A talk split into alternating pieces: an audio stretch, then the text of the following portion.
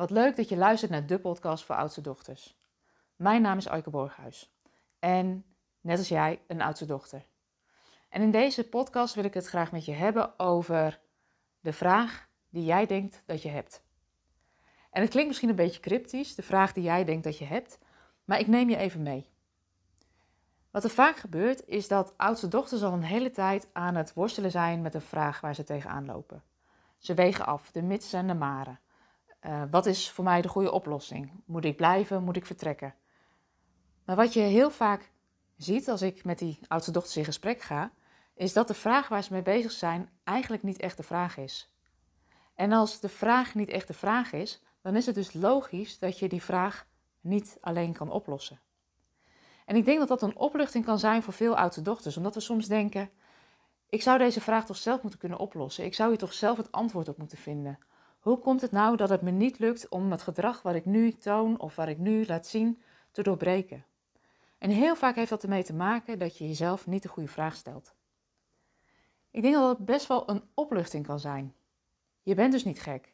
Het ligt niet aan jou dat je je vraag niet kan oplossen. Heel vaak zijn de vragen waar oudste dochters mee komen symptomen. Vragen die bijvoorbeeld eh, naar boven kunnen komen is: ehm, Ik voel dat ik toe ben aan een volgende stap in mijn werk en ik weet niet zo goed welke stap dat is. Een vraag kan zijn: Ik voel me niet in verbinding met mijn partner. Wat moet ik doen? Moet ik weggaan of moet ik blijven? Of de vraag is: ehm, ehm, Mijn kinderen laten lastig gedrag zien en ik weet niet goed hoe ik daarop moet reageren. Of de vraag is: Ik merk dat het contact met mijn ouders moeizaam verloopt en ik heb al van alles geprobeerd en ik weet niet wat er aan de hand is. Of ja, ik zou mijn bedrijf al willen starten en ik weet niet waar ik moet beginnen. Um, een vraag is, uh, moet ik blijven bij deze werkgever of zoek ik wat anders? Een vraag is, ik worstel met allerlei burn-out klachten en um, ik neem steeds veel verantwoordelijkheid op mijn nek en ik weet niet hoe het komt. Waarom de vraag vaak niet de vraag is waar oudste dochters mee bij me komen, heeft ermee te maken dat de vraag waar ze mee worstelen vaak te maken hebben met hoe ze zich verhouden ten opzichte van hun omgeving. En wat oudste dochters eigenlijk nooit geleerd hebben in hun opvoeding en op school, is om te ontdekken wie ben ik? Wat vertelt mijn lichaam me? Wat vertelt mijn intuïtie me?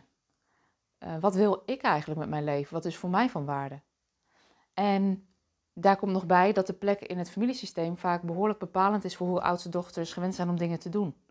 We leggen het lat hoog voor onszelf, we werken hard en tijd om stil te staan bij wie wij zijn en wat we belangrijk vinden, die tijd nemen we vaak niet.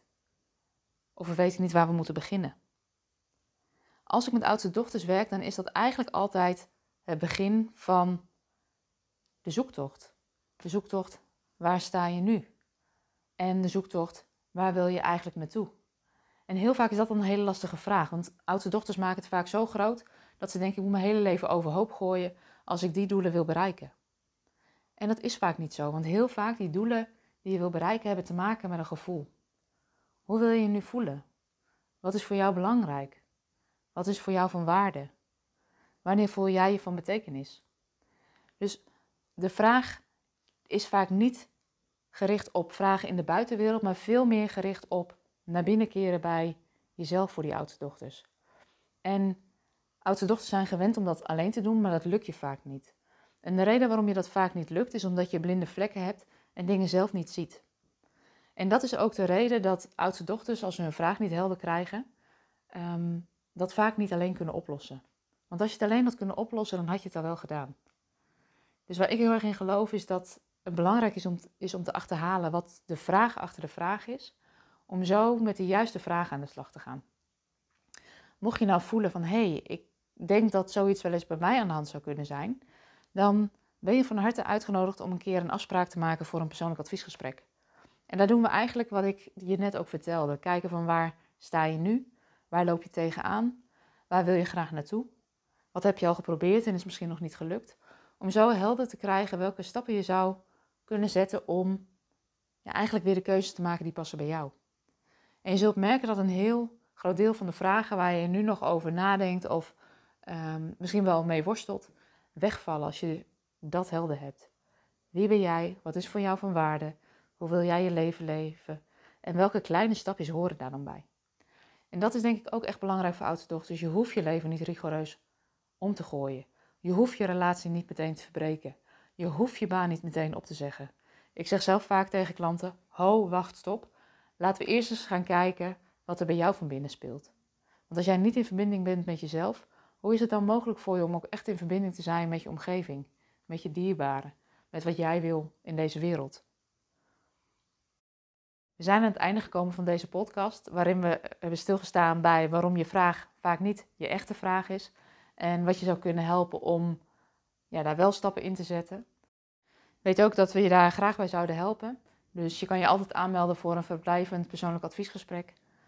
Daar kijken we met je mee waar je nu staat, waar je naartoe wil en wat er voor nodig is om in beweging te komen. En zo'n gesprek is vrijblijvend en verplicht je tot niks.